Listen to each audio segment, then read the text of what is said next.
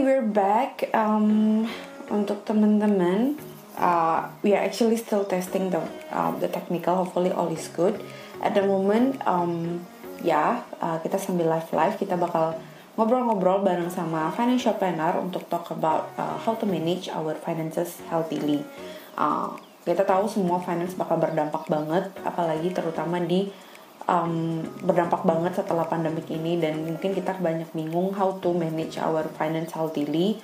Hari ini kita bakal ngobrol bareng sama financial planner untuk yang punya small business. This is going to be uh, something that will be um, helpful for you.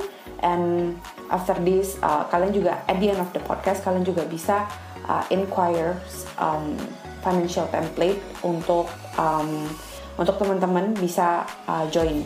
So uh, just a minute kita testing technical dan after that we start. Uh, let me invite uh, our guest of the day. Hai semuanya. Uh, Oke. Okay. Selamat pagi teman-teman. Again, um, udah pada breakfast belum? Sambil kita, so kita akan mulai podcast kita pagi hari ini seperti biasa Little Ass Queen. Um, welcome to the podcastnya Little Ass Queen. Um, basically uh, ini bakal menjadi satu bulan sekali kita bakal ngobrol-ngobrol. Yang pasti um, today's um, topik kayak tadi aku udah mention kalau kita akan membahas tentang uh, how to manage uh, healthy finances uh, bersama dengan financial uh, planner Kawulan Siahaan. Nah, uh, kenapa kita akan kenapa kita membahas topik ini di bulan ini? Karena pertama, kita bulan ini kita merayakan Chinese New Year dan sebentar lagi kita juga akan merayakan Ramadan yang mana kita akan menemu, uh, menerima uh, kita sudah menerima paket dan kita akan menerima another uh, green uh, green envelope right uh, after uh, waktu Ramadan nanti. Uh, jadi uh, ya aku berharap dengan ada podcastnya ini teman-teman semua yang masih masih muda yang kalian mungkin uh, buka bisnis uh, uh, you receive a lot of uh, endorsement and um, yeah you have small business and gimana sih caranya untuk mengelola keuangan yang kecil? Misalnya nggak usah gede-gede mungkin kalian menerima per bulan 5 juta atau misalnya 8 juta gitu. Nah gimana sih caranya mengelola uang ini untuk menjadi sesuatu yang uh, kalian bisa uh, beneficial for all of you since very young. Terus nggak cuma itu, yang pasti uh, there will be a lot of mindsets uh, yang mungkin new to all of you. Dan hopefully this podcast with Kak Wulan Sihaan, uh, tadi guest kita hari ini bisa bermanfaat buat uh, teman-teman di sini.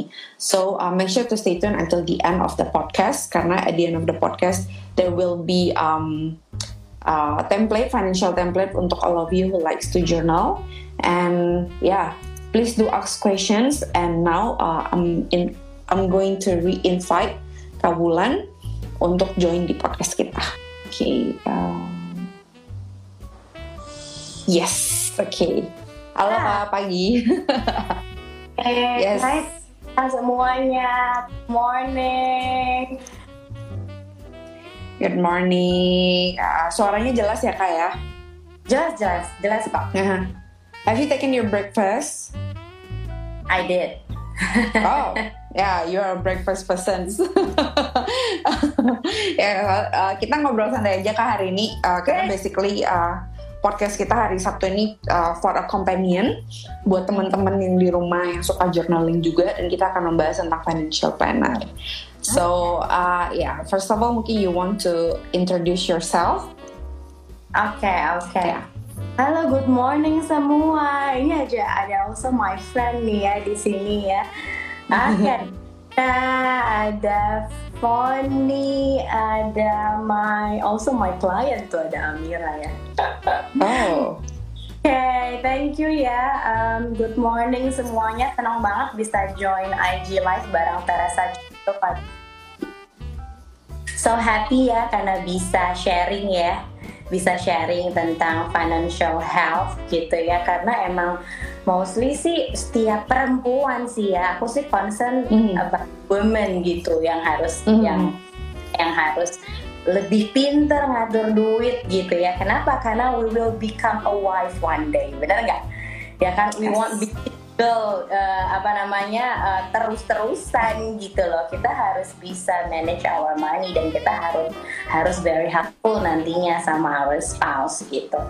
Oke, okay, buat yang belum kenal, nama aku Bulan Sihaan. Tapi udah kenalin ya sama Teresa uh, aku memang praktisi financial gitu ya uh, bantu perempuan-perempuan atau keluarga gitu ya atau single woman juga untuk cerita konsultasi apa pun deh gitu ya. Nggak nggak selalu harus yang um, ya bisa profesional juga bisa casual juga gitu.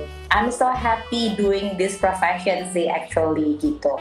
Aku udah jalanin ini sekitar tiga tahunan gitu ya and yeah I do enjoy my job. Gitu sih. Why do you choose becoming a financial planner? Okay. you know Indonesian is yeah because like uh, from what my experience like Indonesian market is not really easy for people to sign up for financial planning. So yeah, I just want to know how do you choose this job? Oke, okay, itu uh, interesting question sih ya. Sebenarnya pastinya ada background sih ya, ada background di mana I failed gitu ya. I failed untuk manage my money sebenarnya.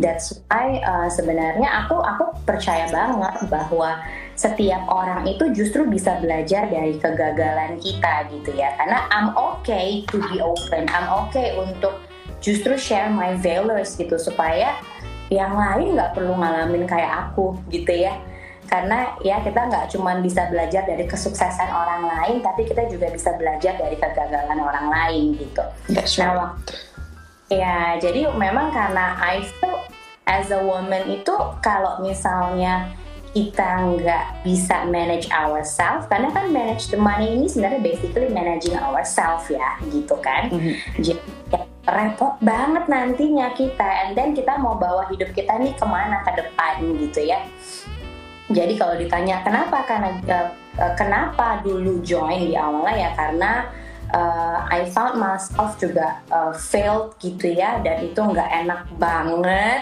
gitu ya. Hmm. Aduh, saya tuh stressful banget gitu ya. And then I see bahwa setiap perempuan di Indonesia ini bahkan all over the world itu pastinya mengalami hal yang sama gitu ya. I just want to be there gitu to help gitu ya. Tapi mungkin ya harus ma masuk ke marketplace ya at the end ya mm-hmm. gitu. Mm -hmm. Also aku juga suka ngobrol sih sama orang gitu, simply share to people gitu. Basically gitu. That simple sih sebenarnya. Mm -hmm. It's like uh, you mentioned that uh, kakak pernah mengalami kegagalan. Uh, mungkin you want to share about uh, what kind of uh, failure uh, that you yeah. experienced before. Uh, jadi mungkin uh, as a foundation aja buat teman-teman. Ya, yeah, if you want to share, ya, yeah, if it's comfortable with you. Ya nggak apa-apa. Sebenarnya itu nanti aku akan ceritain di di Q&A dan the... konteks kita sih kalau. Ah, oke okay, oke, okay, that's nice. Oke, okay, uh, then uh, we just get right to it then, ya. Yeah? Oke, okay, yeah, yeah. um, hari ini sebenarnya podcastnya tadi aku udah mention sebenarnya um, uh, for this topic because Little Aswin is based on journaling for mental health and I mentioned to Kak Wulan juga bahwa uh, why I do this brand is because like um, I feel like the need of people to know more about uh, finances. Then we I think there's some of mindset some some kind of mindset that people still don't know yet. And I think kayak di selama masa pandemi ini juga uh, banyak orang juga mungkin kesulitan untuk bagaimana untuk memanage um, keuangan secara healthy at the same time juga keadaan fakta di depan kita juga fakta yang menyakitkan dan tidak ideal untuk kita. Nah, sering kali nih keadaan aku udah doing a lot of research and we talk uh, I talk to a lot of my friends and my uh, ya my psychiatrist and all and keadaan finansial itu sering kali dikaitkan menjadi stresor yang paling tinggi nih untuk seseorang mengalami stres, kecemasan, depresi itu uh, banyak banget gitu. Dan bahkan di salah satu uh, artikel dia mengutip bahwa 56% orang mengalami insomnia karena mereka selalu memikirkan keadaan keuangan setiap harinya. Dan itu 56% adalah anak muda.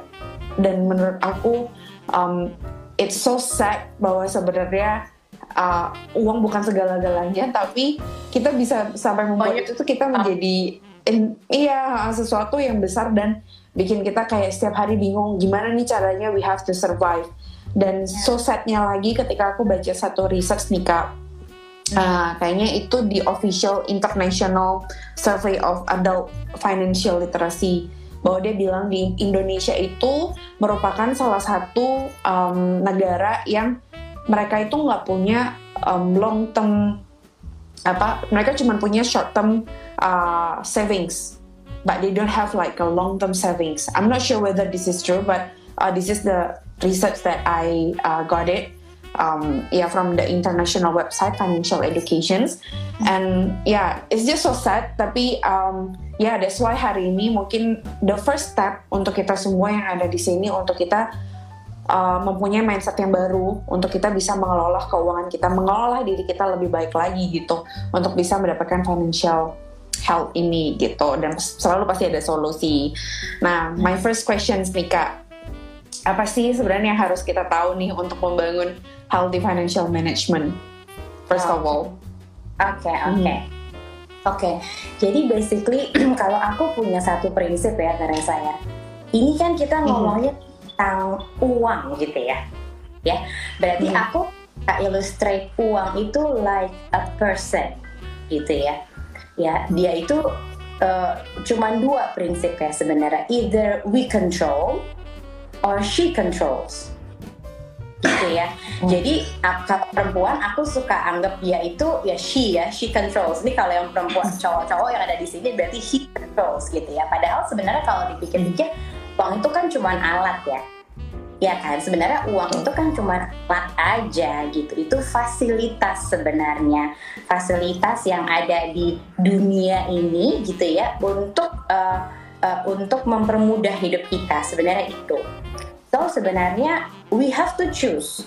Either we control or she controls. Itu. Itu basicnya gitu. Control apa gitu ya? Control apa? Control our life gitu jadi hmm. kalau kalau we let them control our life, meaning that they will control our mind, they will hmm. control our mood, gitu ya, they will control everything, our happiness dan yang lain dan yang lain gitu ya.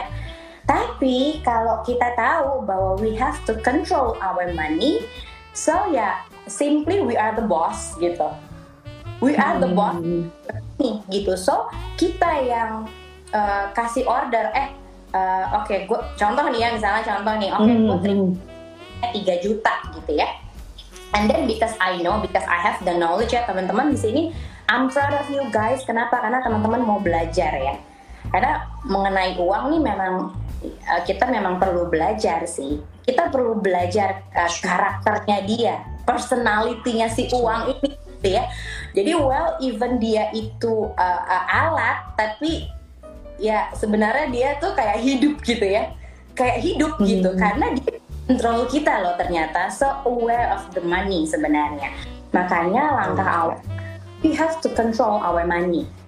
Kita yang harus master them gitu. Kita yang harus jadi bos atas uang kita. Jadi contoh misalnya kita punya uang 3 juta gitu ya. Oke kita yang atur 3 juta ini mau diapain gitu ya oke okay, gue jangan uang yang ngatur gue kalau uang yang ngatur gue gimana contoh karena I've been there ya I've been there hmm. jadi aku ngerasa ini uang nih yang ngatur gue gitu karena gue hmm. tahu mau gue apain makanya hmm. teman-teman um, um, ayo terus belajar gitu ya tentang uh, tentang financial tentang apa uh, behavior gitu ya. Itu karena itu related banget sih Teresa.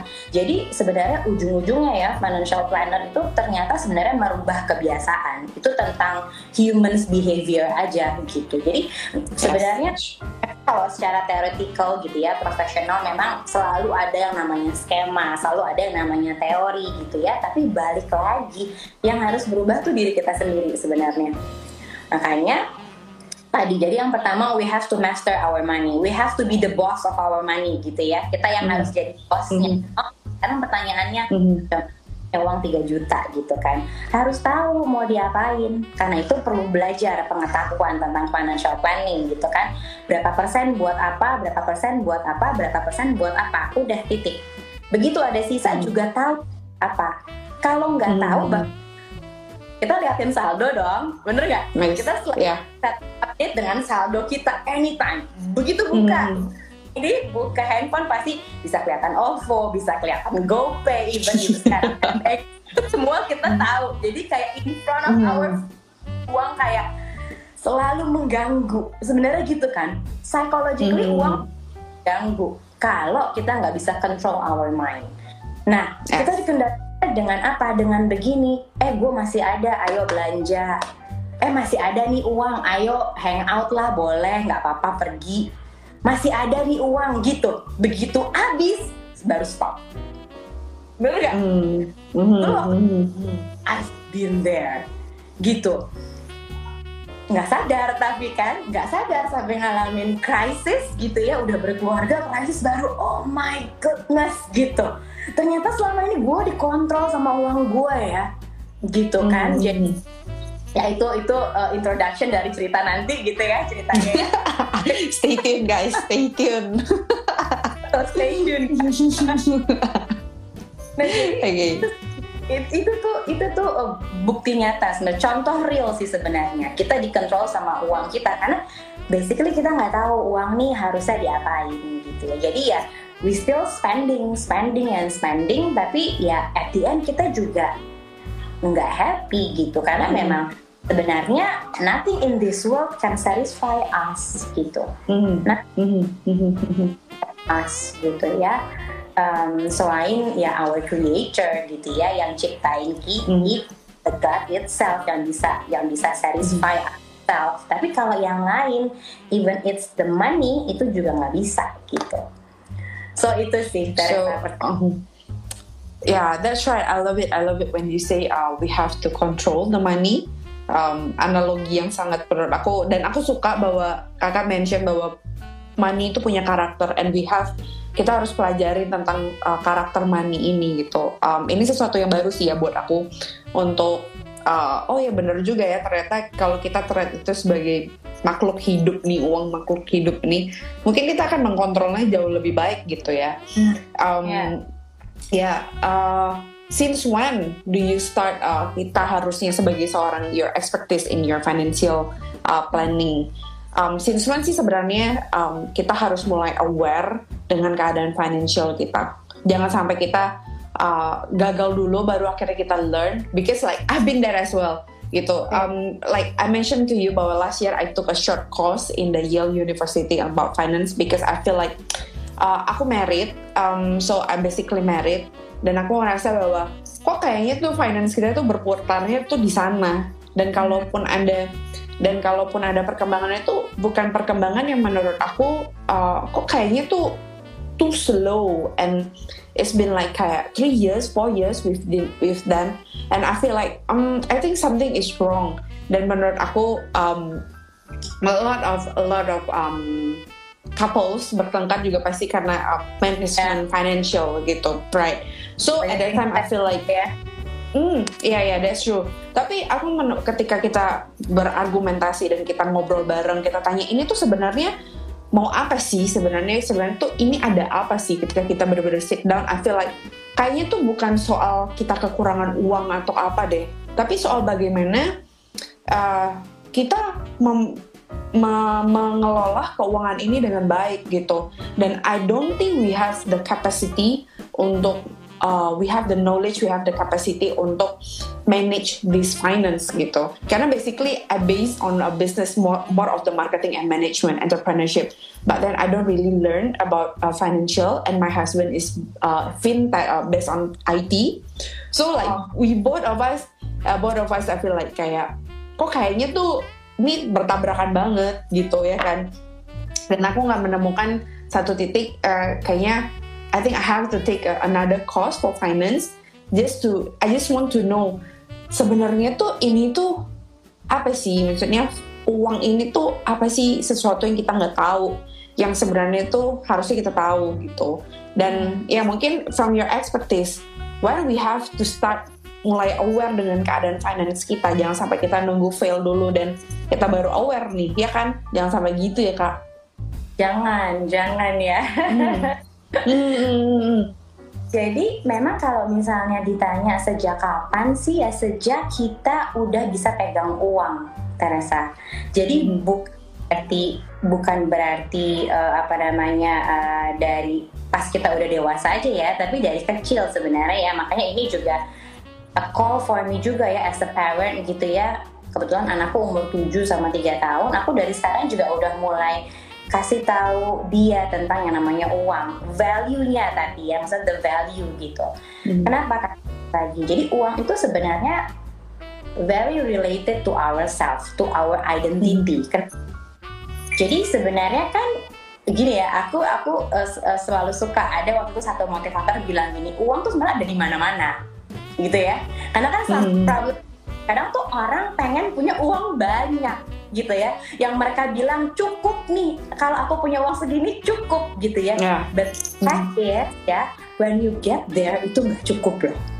Hmm. jadi akan satu lagi lagi minta lagi minta lagi minta lagi. Balik lagi tadi aku bilang nggak ada yang can satisfy us gitu. Even the money gitu ya. Bisa lihat deh banyak banyak um, apa ya kasus sebenarnya gitu ya. Nggak usah ngomongin orang-orang yang uangnya terbatas. Tapi orang-orang yang juga sorry to say mereka juga punya a lot of money gitu, belum tentu juga kok itu the answer of all their problems gitu. Itu yang pertama tadi itu kan gitu. Mm. Jadi poinnya apa? Poinnya adalah dari itu semua uh, self control itu. Balik lagi ya ke diri sendiri kan mm. gitu. Mm. Karena itu memang uh, uang itu sebenarnya memang kita yang produce, bener nggak? Waktu mm-hmm. kita mm-hmm. itu value enough to produce the money so that's enough mm-hmm. ya kan the thing is waktu kita can produce the money kita bisa manage the money enggak mm-hmm. sama kita kita um, kita bisa produce gitu ya, tapi kita nggak bisa control yang ada bocor terus gitu istilahnya, bener nggak? Iya kan? Padahal yeah, sure, yeah, sure the money tapi kita nggak bisa control sehingga kayak lewat aja gitu bener ya? That's true that's true that's true. Banyak. Jadi teman-teman jangan tersinggung karena I've been there ya. Aku pernah single gitu ya. Aku juga pernah ngerasain apa yang aku omongin. Jadi ya ya kita casual aja relax aja. Jadi bener coba coba yang pernah mengalami coba komen. Ah, I see. gitu ya. Gitu. Jadi sebenarnya pengakuan semua ya. Pengakuan dosa ya kan. Jadi memang in, uh, apa namanya pasti kan pernah yang rasain kayak gitu kayak uang tuh ya udah lewat aja gitu kan kayaknya nggak pernah lama nih rekening gue gitu ya karena ya itu balik lagi tadi gitu ya jadi memang ini kayak filternya ya teman-teman tadi ya pertama pertama aku ulang lagi tadi kita harus tahu posisinya kita sama uang itu ya. Kita harus master our money. Jadi begini teman-teman ya. Bukan begini atau bukan begini ini uang nih. Ini uang nih diri kita sendiri. Jadi harus begini kita harus yang ngatur dia gitu. Terus udah gitu hmm. nah untuk bisa ngatur kita perlu self control karena balik lagi even kita yang harus ngatur dia dia tuh tetap makhluk hidup istilahnya tadi ya. Bener nggak? Tetap person Benar. dia sifatnya apa? Mau ngatur. Uang tuh sifatnya cuma satu, mau ngatur-ngatur kita. Masalahnya kita mau kalah atau kita mau menang. That's right. Gitu. Iya. Yeah. Uh-huh. Um, Jadi self control tuh penting banget. Artinya gini, when we know our needs, needs ya, bukan wants ya. When we know our needs and we satisfy with that, that's enough. Udah, uang diemin aja. Jadi teknisnya gimana dari tadi mungkin eh, hal-hal uh, yang hal-hal yang nggak nggak nggak ada teknisnya ya mungkin aku bantu teksnya gini biasanya aku selalu share ini ke semua teman-teman aku uh, siapa pun yang mau ngobrol kita punya uang 100% teman-temannya income berapapun ya aku nggak bilang minimal 3 juta minimal satu setengah juta. Banyak kok orang-orang yang di luar sana cuman punya satu setengah juta bisa hidup berempat loh sekeluarga. Hmm. Ya, jadi ya jangan selalu lihat. Kita makanya itu remnya tuh di kita. Self control is very important teman-teman. Kalau enggak kita selalu akan lihat ke atas. Orang yang lebih dari kita apalagi sekarang social media bener nggak? Wah gampang hmm. banget lihat. Ya kan eh jalan-jalan melulu eh sebentar beli ini eh sebentar nongkrong di sini bener nggak kita kalau kita nggak self control kalau kita nggak master our mind ya kalau kita nggak master our money and then kita nggak punya identitas yang kuat wah nggak bisa tidur, stress, and then we are unhappy with ourselves gitu. Mm-hmm. Kita nggak bisa grateful sama apa yang kita udah punya di rumah. Padahal mungkin dulu nih ya, dulu nih ya misalnya kita ngerasa apa yang kita punya di rumah tuh cukup. Bener nggak? Sometimes kita kayak yeah. gitu. Hmm. Tapi kita lihat orang lain gitu ya, kita compare ourselves to other people, dan kita mulai ngerasa kayak kok gue nggak punya ini ya gitu kan kok kita gue nggak punya ini ya eh tuh enak banget ya dia bisa jalan-jalan terus emang income dia berapa ya kayak income gue kurang deh I think kayaknya nggak cuman compare doang sih. Iya, I think nggak cuman compare doang, tapi mungkin uh, mungkin uh, friends coming over to our house gitu, terus suddenly kayak mereka bilang, eh kayaknya lu butuh ini deh, kayaknya lu butuh itu deh, dan itu kayaknya uh, itu yang menurut aku a lot of triggers yang mungkin um, hiddennya yang kita nggak tahu gitu, kayaknya oh yeah. kita menangis di depan terus nanti di belakang kita mikir oh iya bener juga ya. Yeah. and becoming like impulsive purchase right yeah. ya um, kak uh, tadi tuh uh, you mentioned that you teach your children sejak mereka bisa pegang uang gitu. Kita pegang uang tuh mungkin SD mungkin kita udah dikasih uang jajan ya. Um, mm-hmm. udah dikasih uang saku gitu. But I interested um, when you're saying that you teach your kids um, untuk to value the money. What kind of value that you um, inject to them ya kalau kita boleh tahu nih mungkin teman-teman di sini juga uh, interested aja gitu untuk uh, value what kind of value sih yang that you inject to your kids? Ya oke. Okay. nah, mm-hmm. sebenarnya ya sederhana Teresa. Jadi gini uh, anak kecil itu biasanya kan mm, bisanya cuma minta gitu ya. Bener nggak? Mereka mm-hmm. cuma mm-hmm. Parents will provide everything I need and I want. Gitu ya. Hmm. jadi nggak bisa nggak bisa bedain mana needs mana wants gitu nah hmm. jadi bikin rem ke mereka aku kasih aku kasih tahu bahwa ya ini needs atau ini wants gitu mami and daddy will do what you need bukan what you want gitu nanti begitu mereka berontak dong pastinya ya pasti berontak dong hmm. kenapa ini segala macam gitu ya Eh, kita kasih tahu bahwa ya itu not on our budget. Hmm. Gitu. Jadi mereka hmm. harus tahu bahwa ap apa pun itu ada budgetnya. Nah ini kita mulai masuk ke teknis ya, ada budgetnya gitu ya. Artinya hmm. tadi jadi how we control the money, ya have your own budget, hmm.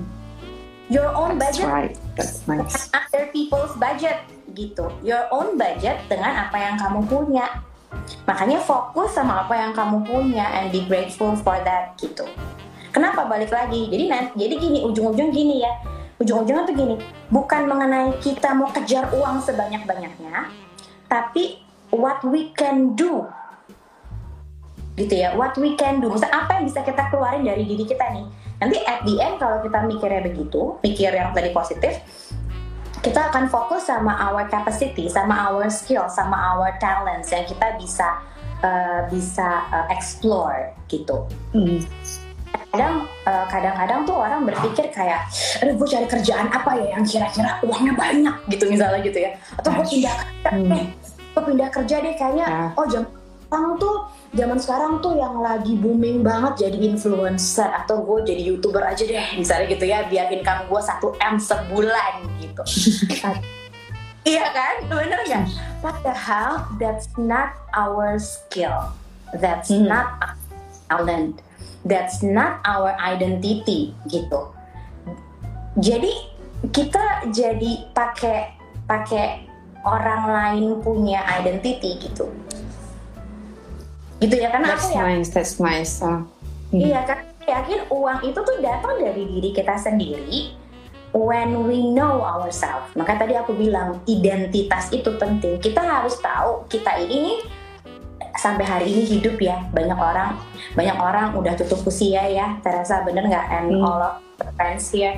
Kita harus bersyukur banget sama hidup yang masih Tuhan kasih hari ini sih. Kita masih bisa hidup ya. Hidup deh karena the most important thing dari hidup itu sendiri dari dari hidup kita adalah hidup itu sendiri. Mm-hmm. Mm-hmm. Kita masih mm-hmm. as ya, kita masih bernyawa hari ini itu the most important thing. Karena diri kita itu yang can produce the money, bener nggak? Jadi yeah. bener nggak usah jadi fokus gitu. Jadi itu make it aside. Yang penting hmm. kita find ourselves nih, gue ada hari ini tuh buat ngapain? Nah, gitu yeah. jadi find your talents find your skill find your calling gitu ya bisa dibilang sekarang mm-hmm. banyak gitu ya mm-hmm.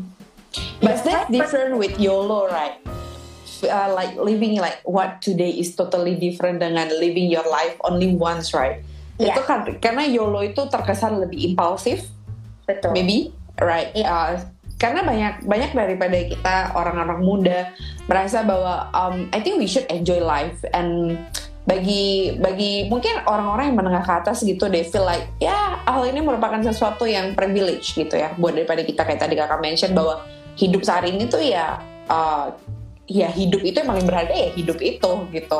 Tapi bagi kebanyakan orang apalagi orang yang menengah ke bawah gitu tidak berusaha mendiskriminasi siapa pun tapi mungkin yang income-nya tidak sebesar orang-orang yang ya mungkin di atas kita gitu.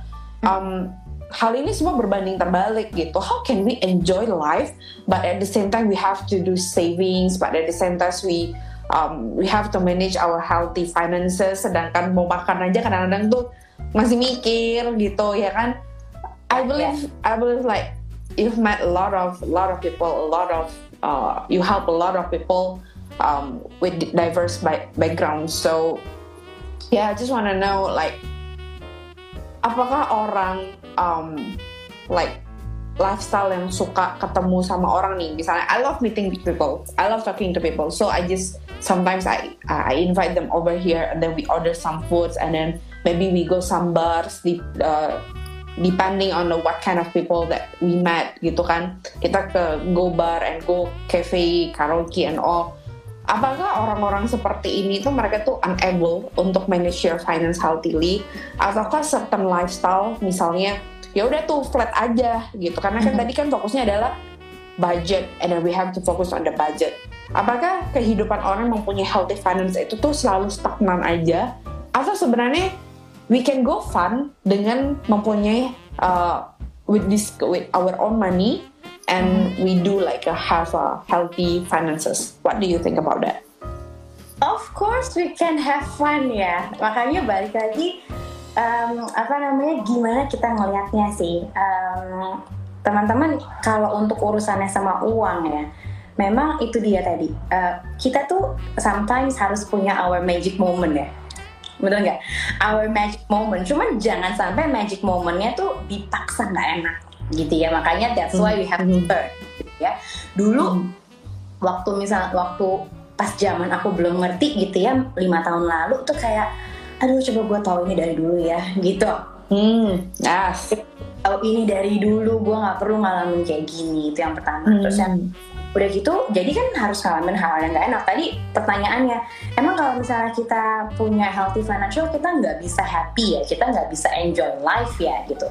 Balik lagi kayak porsinya porsinya setiap kita tuh beda-beda. Makanya tadi aku bilang do not compare ourselves sama orang lain gitu. Tapi aku berani bilang begini waktu kita bisa manage our money we can control our money percaya nggak sih kalau uang itu akan nambah banyak? Hmm situ yang teman-teman harus tahu. Kenapa? Karena balik lagi, yang punya hidup kita tuh siapa sih? Also, who creates the money? Gitu ya. Who who is the sources of our life? Gitu kan God itself. Ya kita nggak ngomong ini kita ini uh, agama apa ya teman-teman? Semua agama ya. God itself itu the source of everything gitu. Makanya kalau ngomongin tentang happiness, he is the source of everything. True. Kalau mau ngomongin problem solving, he is the source of everything. Kalau mau ngomongin uh, materi, mau ngomongin kekayaan, mau ngomongin abundant life, atau misalnya uang yang nggak ada habis-habisnya, misalnya gitu ya, ya yeah, mm. also he is the source of everything gitu. jadi makanya uh, apa ya? Itu harus diawali dari kita sih ya. Kita sendiri yang ngerti dulu nih tentang itu. Hmm. jadi teman-teman tahu bahwa apa yang dipercayain hari ini ya enjoy. Sama kayak gini. Oke itu jadi tentang trust teman-teman. Jadi uang yang kita terima sebenarnya itu apa yang dipercayakan buat kita hari ini dengan kapasitas kita sekarang. Percayalah waktu teman-teman bisa control the money kita bisa manage the money, we can also manage our potential gitu ya, yang bisa create the money itu gitu ya. Pastinya akan ditambah lagi. Sama kayak gini deh contoh ya. Uh, mungkin nggak semua di sini punya anak gitu ya. Terasa juga udah married tuh punya anak belum? Belum. Lagi oh, trying. apa? ya contoh deh misalnya jangan ngomongin anak deh aku nggak apa-apa deh anak karena teman-teman pernah jadi anak ya di sini hmm. bener nggak dulu yeah, waktu sure, it's okay ya okay. ya kan? Waktu teman-teman dulu umur 6 tahun gitu ya ngeliat ada misalnya siapa kakak sepupu yang udah 17 tahun gitu wah naik BMW gitu. Atau ih naik motor aku pengen banget dong pak bisa naik motor kayak kak ini misalnya gitu.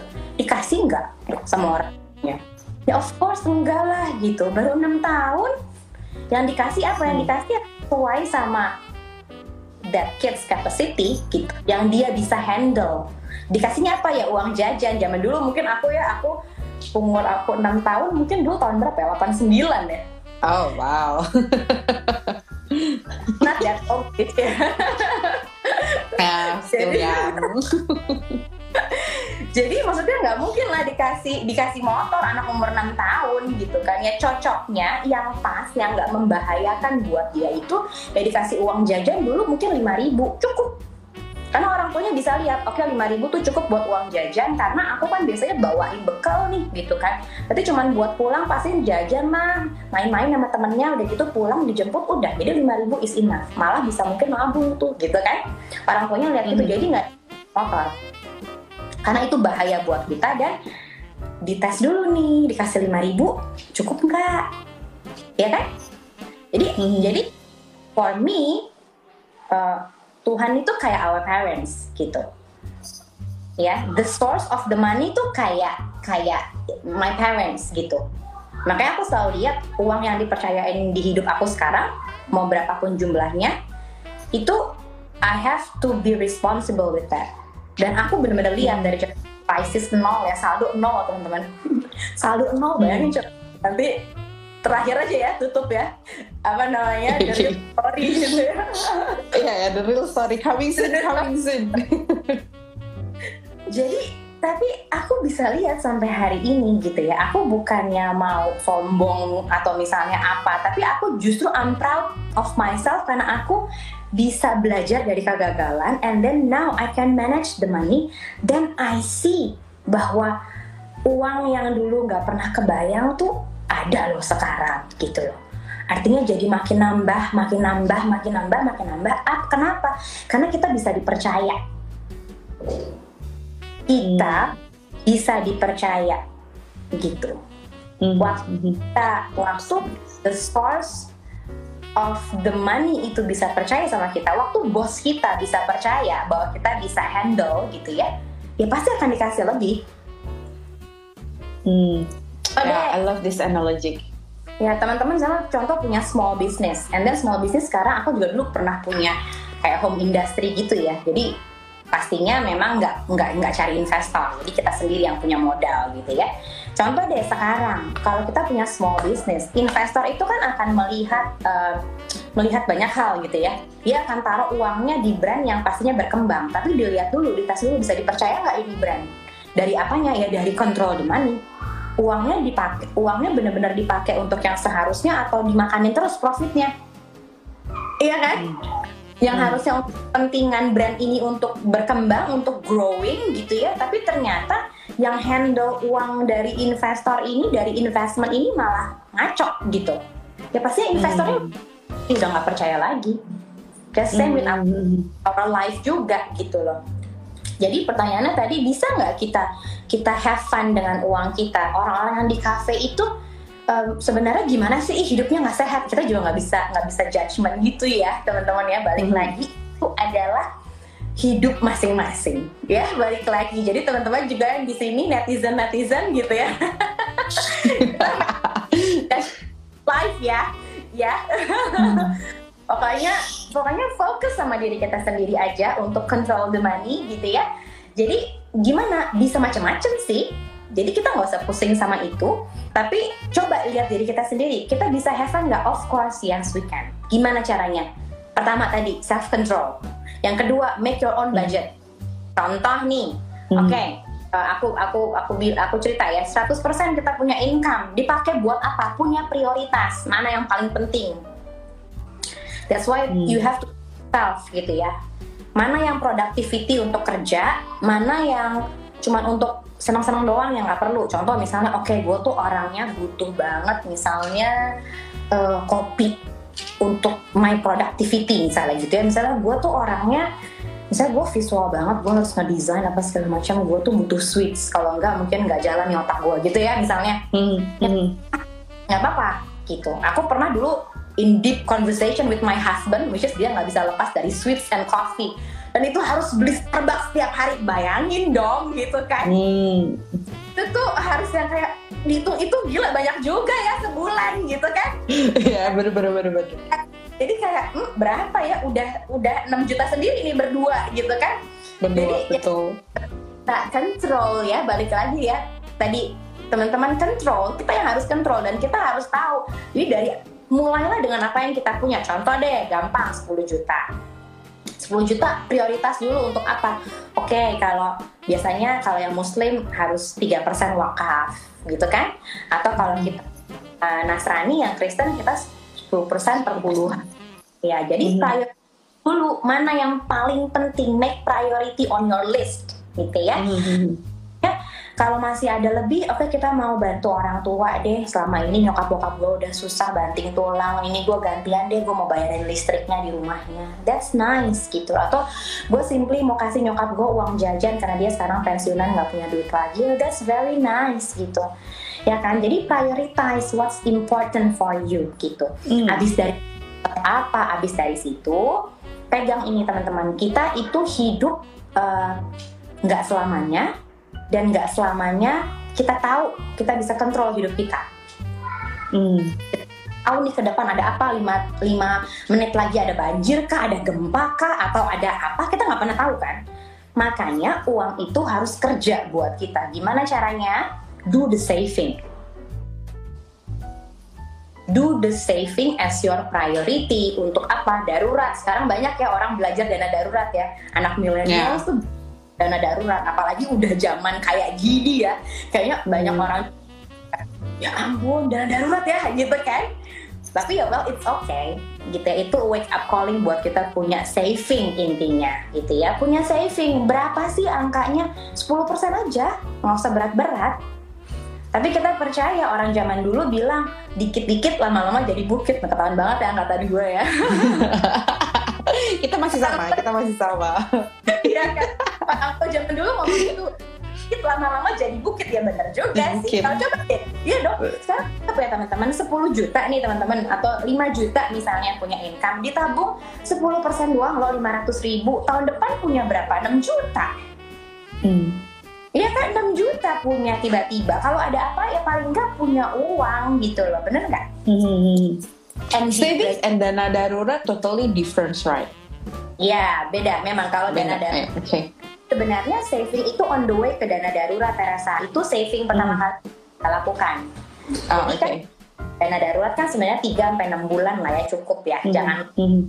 mau bikin setahun tapi abis itu jangan lebih kita udah harus kalau udah lebih kita masukin ke investasi karena kalau hmm. enggak muter-muter di itu aja gitu ya hmm. hmm, hmm. abis dari situ punya apa kalau aku as a financial uh, uh, uh, planner pasti punya protection punya insurance. Kenapa? Balik lagi insurance itu juga make sure karena begini dia itu membantu kita karena kita nggak tahu what will happen in the next day, what will happen in the next hour. Semua orang bahkan hmm. yang main aja deh udah mau jagonya kayak apa nggak pernah bisa tahu semenit lagi itu naik atau turun bener nggak? Hmm. Iya kan, walaupun kita mau jago kayak apa coba. Terus mau orang yang bisa ngebaca gempa bumi apa segala macam juga nggak akan pernah tahu gitu loh. Kita tuh bener-bener terbatas banget. Human being itu so fragile tau nggak sih? Caranya kita bisa bener-bener pegangan tuh sama pegangan yang infinite aja. Ya our resources mm -hmm. sama ya gitu ya istilahnya ya. Nah jadi mm -hmm. itu and protection. Karena protection itu juga nolongin saving kita. Itu nanti lebih detail lah ya. Udah gitu buat mm. apa lagi?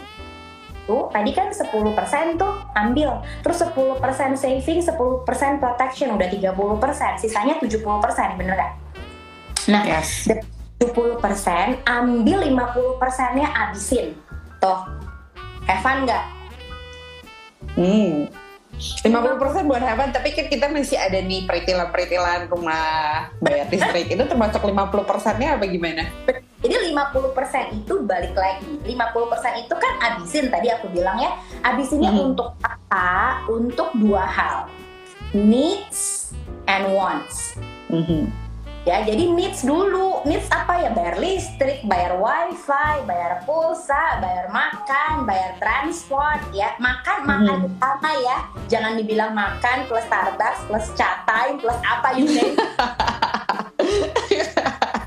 ya, itu soalnya dulu aku juga orangnya aduh go food person banget. Begitu lihat kayak oh my god my go food budget gitu kan wah ini nggak bisa karena kita makanya balik lagi kita harus ngerti ya kita tuh harus kenal diri kita yeah. ya jadi nggak cuma sure. kita kenalin uang tapi kita harus kenal diri kita paling penting kalau kalau kita kalau kita tuh nggak nggak sama kayak orang perang kalau kita nggak punya strategi kalau musuh kita ngerti our weaknesses kita bakal kalah teman-teman hmm. makanya hmm. aware harus aware nah balik lagi ini bisa terbantu dengan yang namanya needs and wants. Jadi yang pertama hmm. tuh needs. Terus gimana dong pertanyaannya uh, kalau misalnya lima eh, puluh persen aku udah habis buat needs, ya udah hmm. lah. Bener hmm. dong. Kan itu yang make our productivity keep going dong. Yang penting itu yeah. Ya. uh, support productivity supaya kita hmm. bisa hmm. kerja lagi, kita bisa make money lagi, bener nggak? Betul betul betul. Jangan ya want itu yang kita udah incar misalnya apa ya gue udah incar tas nih misalnya gitu ya. Misalnya gue hmm. udah tas apa misalnya gitu harganya 10 hmm. juta terus diutamain yang itu. Coba pikirin lagi gue perlu itu sekarang nggak? Itu pertama. Yang kedua kalau gue tahan dua minggu gue masih pengen banget nggak? Gitu ya. Yeah. ketiga itu support my productivity nggak? Gitu aja dulu gampangnya. Hmm. ya kan? Kalau enggak dulu gitu. Udah jadi Hai para wanita dengarkan ini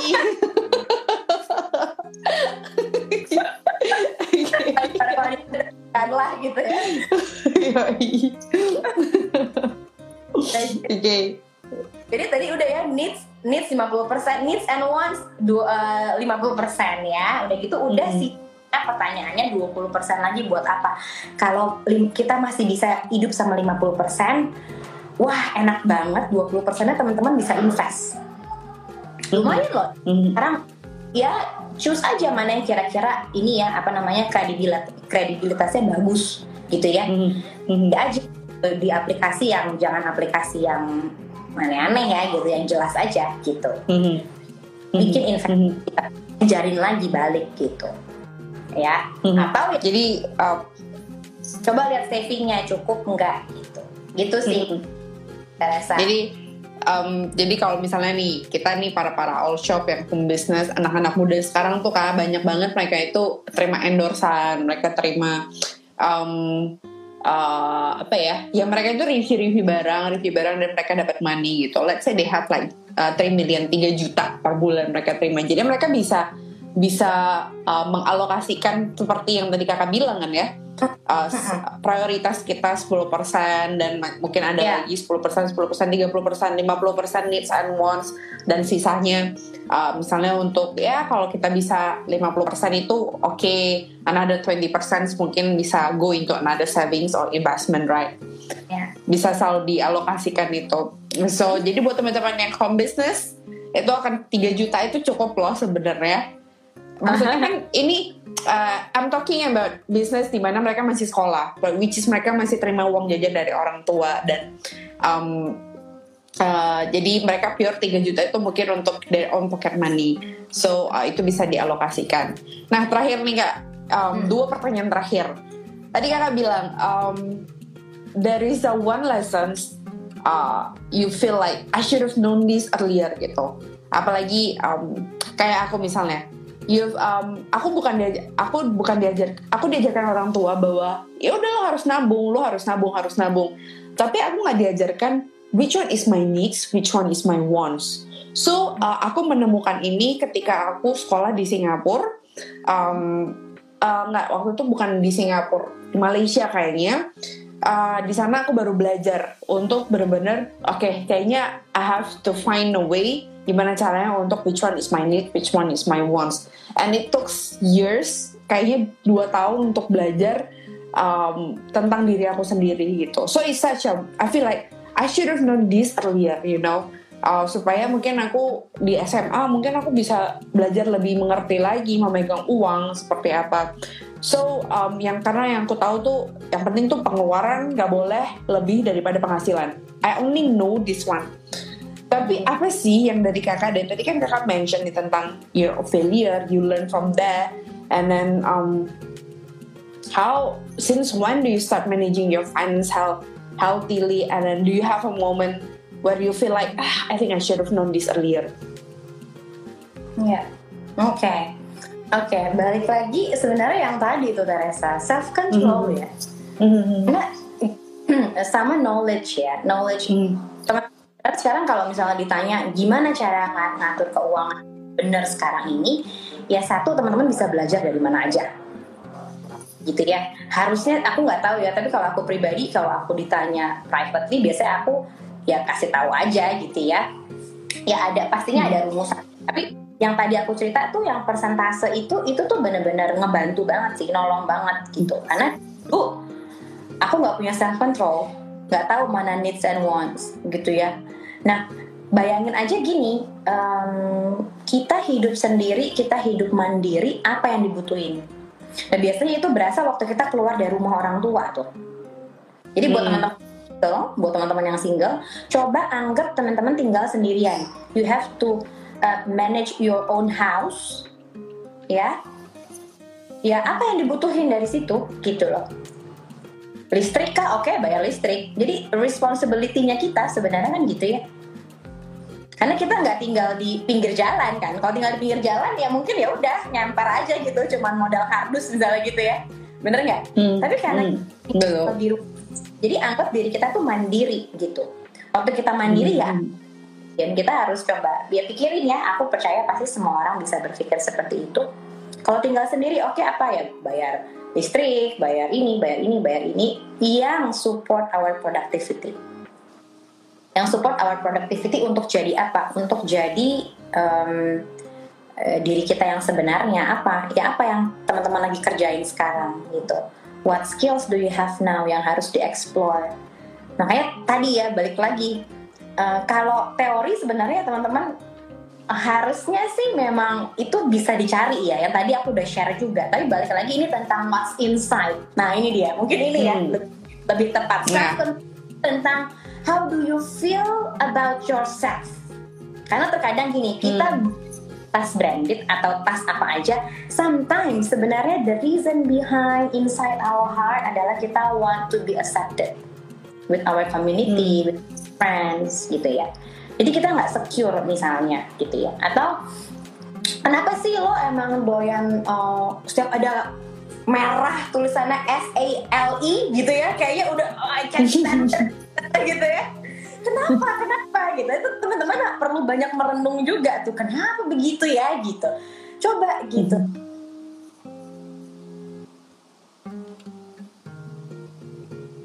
Um, I think I lost your voice. Uh, okay. Okay. Now okay yeah. Okay. No it's good. Yeah, oke okay. kita kan punya soul and mind and body ya. Ini juga pastinya yes. healthy living sekarang itu udah banyak banget perhatiin tentang our mind, tentang our soul gitu ya. Emang ya these days apalagi during pandemic kayak gini sebenarnya it's a call for us untuk lebih slow down sih. Slow down gitu. Apalagi kita di rumah gitu. Apalagi ini juga worldwide gitu. Sadar nggak sih bahwa memang ini tuh wake up calling buat kita untuk find our true self gitu. Karena kalau enggak kalau enggak kita akan muter di situ-situ aja sih teman-teman balik lagi diri kita sendiri yang harus kita kenalin gitu hmm. jadi, uh -uh, jadi yang tadi jadi kita harus kenalin diri kita ya kan identitas kita identitas kita atau posisi kita sama uang tadi itu kita ha harus master the money. Artinya kita yang control the money. Dengan apa? Dengan kita punya knowledge gimana ngatur uang yang tadi aku udah pernah share ya. 10%, 20%, 50, 20 itu aja. Praktekin deh. Sampai sekarang aku cuma pegang itu loh. By the way aku cuma pegang itu dan aku coba cari dan praktek gitu ya. Nanti nggak segampang itu juga uh, ininya uh, teman-teman tuh kayak involve juga our pride gitu ya. Mm, mm, that's sure. Uh -uh, jadi benar-benar yeah. tadi gitu ya kita kita secure with ourselves. Kalau kita secure sama diri kita sendiri, kita udah punya contoh nih. Pro kita ngomong bahas perempuan aja deh, cowok kan juga gak terlalu banyak ya di sini kan. perempuan apa sih? Kan dia suka perempuan apa sih ya make up gitu kan? Misalnya. Yeah. Terus handbags gitu ya, terus mm beri gitu ya. Tapi perlu hmm. kita kenapa sih gue harus punya itu semua? Am I secure with myself kalau gue nggak punya itu semua? Hmm. am I secure enough with myself gitu ya? Kalau gue nggak punya itu semua bayangin gue nggak punya itu semua and then am I feel happy with it? Am I satisfied with it? Gitu. Itu yang akan nolong kita untuk akhirnya gini oh gue ternyata nggak perlu banget itu kok. Gue nggak punya itu juga nggak apa-apa I still can be happy karena gue udah punya yang ini misalnya gitu ya. Ya kan? Bukan in denial ya guys. It's different bukan. from the in denial oke okay? benar bukan denial. Ini tentang ini tentang self control yes yes. Yes perlu di highlight itu. Waktu kita bisa self control sebenarnya ada happiness loh di situ. Trust me. When you can control yourself there's a true happiness inside. Aku berani bilang gitu ya ini mungkin aku masuk aja ke my true story ya. Ya mungkin yeah. true storynya jadi uh, apa namanya uh, dulu aku bisnis aku dulu uh, working bukan working mom ya. Um, aku dulu kerja belum menjadi mami gitu ya. Jadi um, masih masih masih baru nikah gitu. Jadi early wed gitu ya. Lagi happy happy dan kan ya biasa dong getting pregnant gitu ya getting pregnant terus mulai aware nih oh gue harus atur ini itu itu ini itu. Tapi somehow I know aku tuh punya responsibility take care of my kids. Aku nggak mau mbak yang pegang dulu babysitter gitu. Jadi hmm. I want my kids tuh untuk raise upnya sama aku. Supaya aku yang bisa influence gitu istilahnya. Singkat cerita aku resign dari my dream job yang yang gajinya udah enak banget gitu ya. Dulu di fashion retail sih. Di fashion retail oh, wow Hmm, jadi hmm. udah banget, udah ke, ke dan merchandiser pula kan, my staff banget gitu ya, doyan perintilan hmm. sangat. Jadi I have to live that. Udah gitu mulai dengan semuanya serba nggak jelas, uh, income nggak stabil karena uh, my husband dulu tuh uh, photographer gitu ya. Jadi juga kan freelance gitu ya, bukan bukan hmm. Bukan apa namanya, bukan orang kantoran gitu. Ya udah I just pray I just pray um, minta Tuhan untuk kasih sign uh, gitu ya. Udah itu udah and then we start the business. Nah waktu start the business juga uh, without knowledge untuk gimana ngatur uang. Jadi akhirnya bisnis kita memang ada modalnya ya profitnya juga kita nikmatin tapi ternyata salah ngaturnya sampai satu sisi hmm. akhirnya aku zaman zaman dulu market museum goods that gitu gitu kan. Jadi kita bener-bener home industry lah bikin baju sendiri brand sendiri desain sendiri semua sendiri.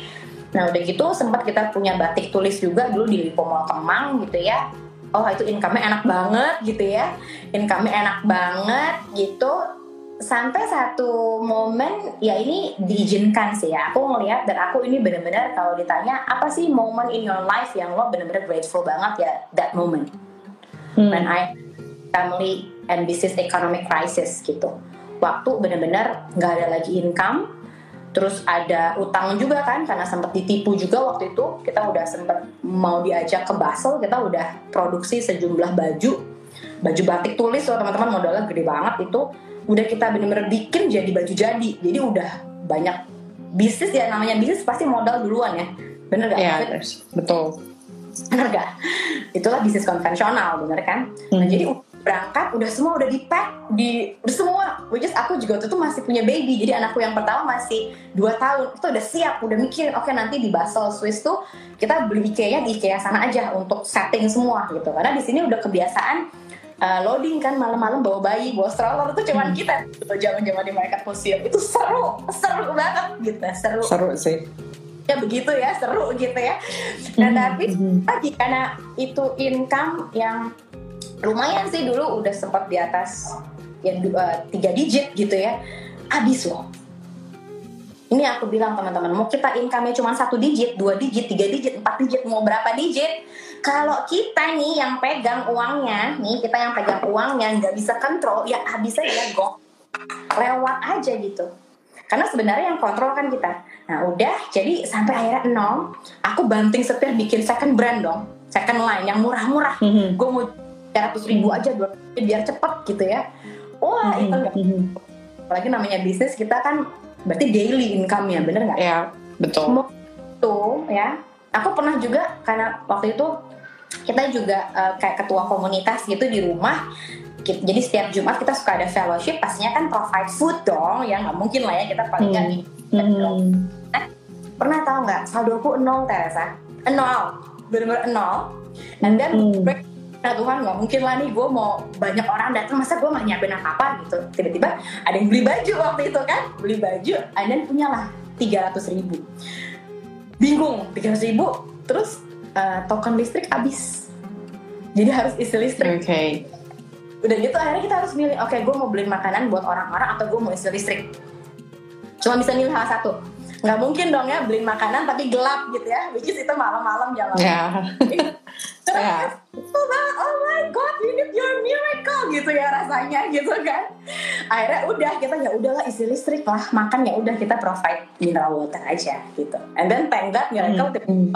fellowship itu ada yang datang bawa snacks lah gitu ya. Jadi ya udah gitu problem solve tapi momen itu nggak enak banget sampai benar-benar ya aku tuh hampir ada setahun kali itu jadi benar-benar menghargai banget yang namanya uang karena dulu gampang dapatnya and then salah ngaturnya and then I can not control myself.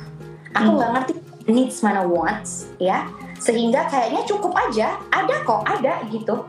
Ada ada terus ngalir terus ada terus dipakai. Tapi dipakai terus gitu kan nggak jelas angkanya ke mana. Di momen itu diizinin jadi bener-bener mikirin akhirnya. Oh ternyata dan mulai cari tahu gitu. Sampai bener-bener liftnya daily. Jadi aku bisa mulai dari situ bisa prioritize gitu. Oh di rumah ini yang paling perlu oke okay, bayar sekolah anak dulu listrik dulu ini dulu ini dulu. Yang tadi aku cerita productivity dan segala macam. Mm -hmm. gitu Hmm. itu beres gitu ya, terus pelan-pelan uh, bisnis mulai uh, uh, ada lagi gitu ya, tanpa modal waktu itu bisnisnya, tanpa modal. Gitu. Tapi di situ aku lihat jadinya. Sebenarnya kita itu punya modal. Kita sendiri nih sebenarnya tanpa uang teman-teman punya modal untuk mulai bisnis. Siapa? Ya, the talent itself diri kita sendiri kalau kita mau kalau kita udah secure sama diri kita kalau kita find our true self tadi karena momen itu tadi bikin aku juga jadi benar-benar evaluate myself sih hmm. evaluate apain ya gue harus di apa ya ya aku mulai akhirnya dengan apa yang aku punya yang aku, uh, suami aku juga punya waktu itu pelan-pelan. Nah karena udah mulai ngerti sampai hari ini ya itu udah empat tahun yang lalu sampai hari ini by the time ya balik lagi kok semuanya gitu. Ya istilahnya kayak yang tadi tuh dijewer dulu gitu ya kalau ya ya ya ya udah gue bikin gak punya duit gitu ya gue mm-hmm, jewer. mm-hmm. so gitu. Ngerti mm. dulu. kan selama ini yeah. aku uang. Di ke mana ini? Istilahnya gitu ya kayak lagi di sidang. Ya ya ya ya. Iya bener bener di ya, ya gitu. Kan anda waktu mulai hmm. ngerti, udah mulai bisa bertanggung jawab, itu Tuhan kasih lagi loh sekarang. Yang to be honest ya teman-teman ini bukan untuk untuk kesombongan pribadi, tapi ini benar-benar supaya teman-teman di sini ingat bahwa the source of our everything itu ya our creator gitu. Mau agama apa pun kita our creator itu benar-benar yang harus kita focus on. And then kita harus fokus mm -hmm. on self kita hidup sampai hari ini pasti ada things that we cannot that we can do. Nggak untuk mm -hmm. diri kita juga. For other people gitu. Mm -hmm. for other people. Teman-teman coba ya kalau kita balik lagi kita jadi orang tua punya anak. Anak kita dikasih misalnya kayak tadi ya misalnya dikasih uang jajan eh, sepuluh ribu terus dia suka bagi-bagi temennya gitu ya? Dia suka bagi-bagi mm -hmm. oh, kenapa? Mm -hmm. gitu ya kadang-kadang ya mungkin menurut dia lima ribu cukup lima ribu dibagi-bagi ke temennya gitu. Seneng nggak orang tua menurut kamu nih seneng loh karena anak ini kok mikirin orang lagi deh. That's beauty of that's the beauty of the financial healthy management tau gak? Waktu kita waktu kita mm-hmm. Diri kita sendiri, tapi kita mikirin orang lain loh. Aku lihat banget Teresa. Wah aku terharu ya kalau ngomong gini maksudnya. Mm. Kita tuh bener-bener kita yeah. tuh there to help other people loh teman-teman coba bayangin gini kalau teman-teman punya berapapun di tangan teman-teman sekarang teman-teman selalu lihatnya ke atas teman-teman nggak akan nggak akan pernah cukup tapi coba teman-teman lihatnya ke bawah ada orang-orang yang income-nya nggak lebih banyak dari teman-teman mungkin cuma bisa dapat 500 ribu mungkin cuma bisa punya duit 3 juta untuk rame-rame gitu gitu ya itu teman-teman pasti akan merasa sangat cukup mm-hmm. then yeah. then we start to giving to other people gitu ilustrasinya gitu. Kita, kita walaupun uh, kita udah ngerasa cukup sama apa yang kita punya with our needs tadi and then apa yang kita mm-hmm. punya coba untuk kasih ke orang gitu. Mm-hmm. Mm-hmm. ya aku aku bisa aku guarantee teman-teman. I can guarantee when you do that itu nggak usah pikirin deh tentang blessing buat diri kita sendiri. Itu ngalir aja pasti. Uang tuh ngalir aja. That's true that's true kita bener-bener perhatiin orang lain gitu. nah that's my story. Jadi begitu aku udah di istilahnya kayak di jewer gitu ya mm-hmm. and then I mm-hmm. can I can um, prove myself, I can evaluate myself, and then kayak oke, okay, gue ngerti sekarang, oke, okay, gue harus mulai bertanggung jawab, gitu ya. Ya udah start the new beginning. Ya here I am today gitu. And also my pray juga buat teman-teman semua di sini gitu ya. Apa pun your state now gitu um, uh, mulai, there's always a way. There's always a way. True. There's always uh, a way. So finance is not your biggest enemy I guess. The biggest enemy is how you control your money and how is your mindset. Ya benar self control hmm, that's true. Self control because I mean pembicaraan hari ini sebenarnya banyak meneguhkan banyak hal sih dalam what what is I'm trying to do this year sebenarnya gitu jadi so thanks for reminding me thanks for reminding a lot of things yeah it's like you focus um, um, actually me and my husband starting um, literally kayak apa yang barusan kak uh, Wulan cerita it's like um, prioritize our needs. So 10% for this, 50% for the needs and wants, and 20% for for the investment. Basically kita we do that and we really track. And the first month yang waktu kita start on January kemarin, kita start kita benar-benar bikin budget very tight. Jadi kita analyze, oke okay nih apa nih sebenarnya yang kita berdua tuh uh, suka, apa yang sebenarnya oke okay, ada hal ini, misalnya gathering with people, uh, with our friends in our home fellowship, and we need to spend some money. Then we put that okay how much willing we are willing to spend on that? So hmm. benar-benar kita tuh budget segini gini gini. And at the end of the month kayak waktu kita melihat semua um, uh, budgeting kita di buku kita di aplikasi kita kita ngeliat eh sebenarnya itu ya kayaknya ternyata tuh nggak semengerikan itu ya. And hmm. I feel I really feels bener-bener ngerasa tuh happy gitu happy with ourselves. Ternyata tuh kita tuh nggak seburuk itu loh. And bener-bener tuh the happiness is come within you know. And then I'm excited for tapi everyone different totally different. Kayak kami um, ada trials and turbulence bener. Karena kita masih setiap bulan beda. Jadi kita waktu settingnya for February itu beda lagi tuh uh, formula bukan formulanya tapi oh mungkin kayaknya Februari ini kita masih harus ngasih angpau ke orang. Mungkin ada budget yang dibesarin dan ada harus yang disacrificein and it Yeah, was so painful but then by the end of this month we feel like oh I think I think we are doing pretty good. And yeah you know thanks for thank you kak. Thank you Sama- for. Yeah it is such a pleasure. Saat boleh sharing teman-teman ini ngomongin teknis. Teman-teman jangan lupa ada yang Hmm. namanya well expenses ya. Itu hal-hal yang Hmm. memang eh, hal-hal yang memang teman-teman harus aware ya. Jadi kita kalau ngatur budget juga jangan terlalu ngepas. Teman-teman selalu bikin 10% untuk apa ya banyak hal yang mungkin eh, unpredictable gitu supaya kita Hmm, juga nggak true, yeah. kalau kita terlalu kaku juga kita juga bisa stres jadi Hmm, benar. bikin yang namanya fix uh, fix sama variable expenses. Jadi yang fix itu yang udah pasti keluarnya udah segitu-gitu aja. Hmm. Nah yang va- ini yang teman-teman coba atur gitu. Aku selalu bikin biasanya monthly and annually juga gitu. Dan memang Hmm. teman-teman yang baru mulai nggak usah jangan terlalu stressful dengan itu. Mulailah aja month by month atau day by day. Nanti lihatnya di akhir tahun. Jadi memang lihatnya jangan Hmm. baru bulan udah stres gitu nggak apa-apa just relax with yourself gitu ya. Aku kadang-kadang juga dulu tuh kayak put the burden itu too much on me jadi juga stres juga jadi worry too much juga nggak baik. Tapi hmm, ya embrace aja gitu, embrace aja karena ini the journey kan sama kayak kita punya relationship Hmm. sama spouse kita gitu ya kan itu kan kita day by day kenal dia. Nah kita juga harus kenalin kita dan kenalin uang kita itu juga day by day. Sampai Ya. punya target oke gue mau nguasain diri gue itu enam bulan misalnya. Ya udah konsisten. Gue mau nguasain dan ngertiin gimana hubungan gue sama uang gue ini enam bulan atau tiga bulan pertama gue udah harus bisa achieve ini nih misalnya. Ya udah lakuin konsisten tapi ya konsisten. Makanya Hmm. self itu penting tiga bulan selanjutnya eh, naik kelas gitu. Apalagi yang mau gue kontrol gitu misalnya gitu. Jadi ini tentang relationship kita sama diri kita sendiri dan sama uang kita yang harus kita control gitu. Mastering our That's mind and nice. That's nice.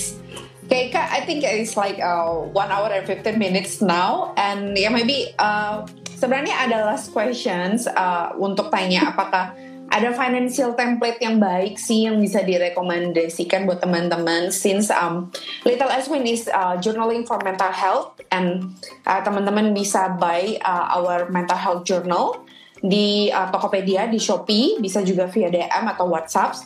And uh, kita juga ada produk-produk yang lainnya seperti bullet journal, uh, 160 GSM itu uh, tebal banget dan bisa suitable for a lot of things. Jadi teman-teman bisa cek di Tokopedia di Shopee. Buat teman-teman yang suka bullet journal, mungkin uh, mungkin nanti Kak Bulan bisa sharing to me so that I can share to the people that who wants to who wants to know uh, apa sih financial template yang baik yang bisa direkomendasikan. Since Kak Wulan kan juga um, financial planner so definitely there must be some template uh, that you can share with us just for basic right? Okay just to wrap up maybe you have like a last word or last reminder buat teman-teman di sini before we end it Oke oke.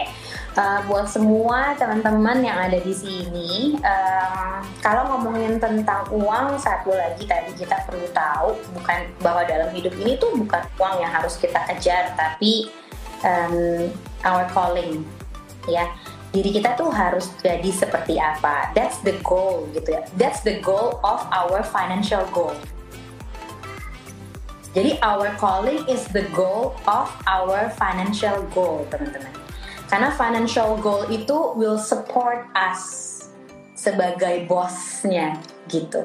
Jadi Mhm. jangan mau dibos-bosin sama uang gitu ya, di di dikontrol sama uang, tapi biarlah kita yang control uh, uang kita gitu.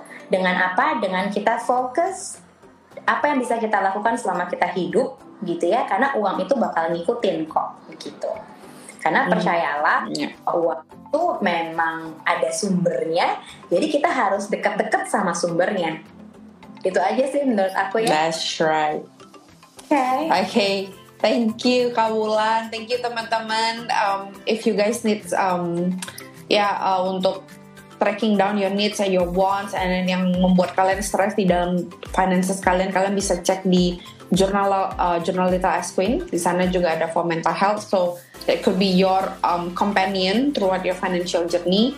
Dan I will share um, financial template-nya nanti kalian bisa DM kita atau nanti uh, gimana kalian stay tune aja di IG story-nya Little Aswin. So, last but not least, jangan lupa follow IG-nya Kawulan untuk for more information dan juga kalian mau to know every day tentang Kawulan, uh, tentang uh, her services dan juga untuk um, uh, journey-nya Kawulan di dunia financial planner. So please follow Kawulan Sihaan at Bulan Sihaan ya kak ya.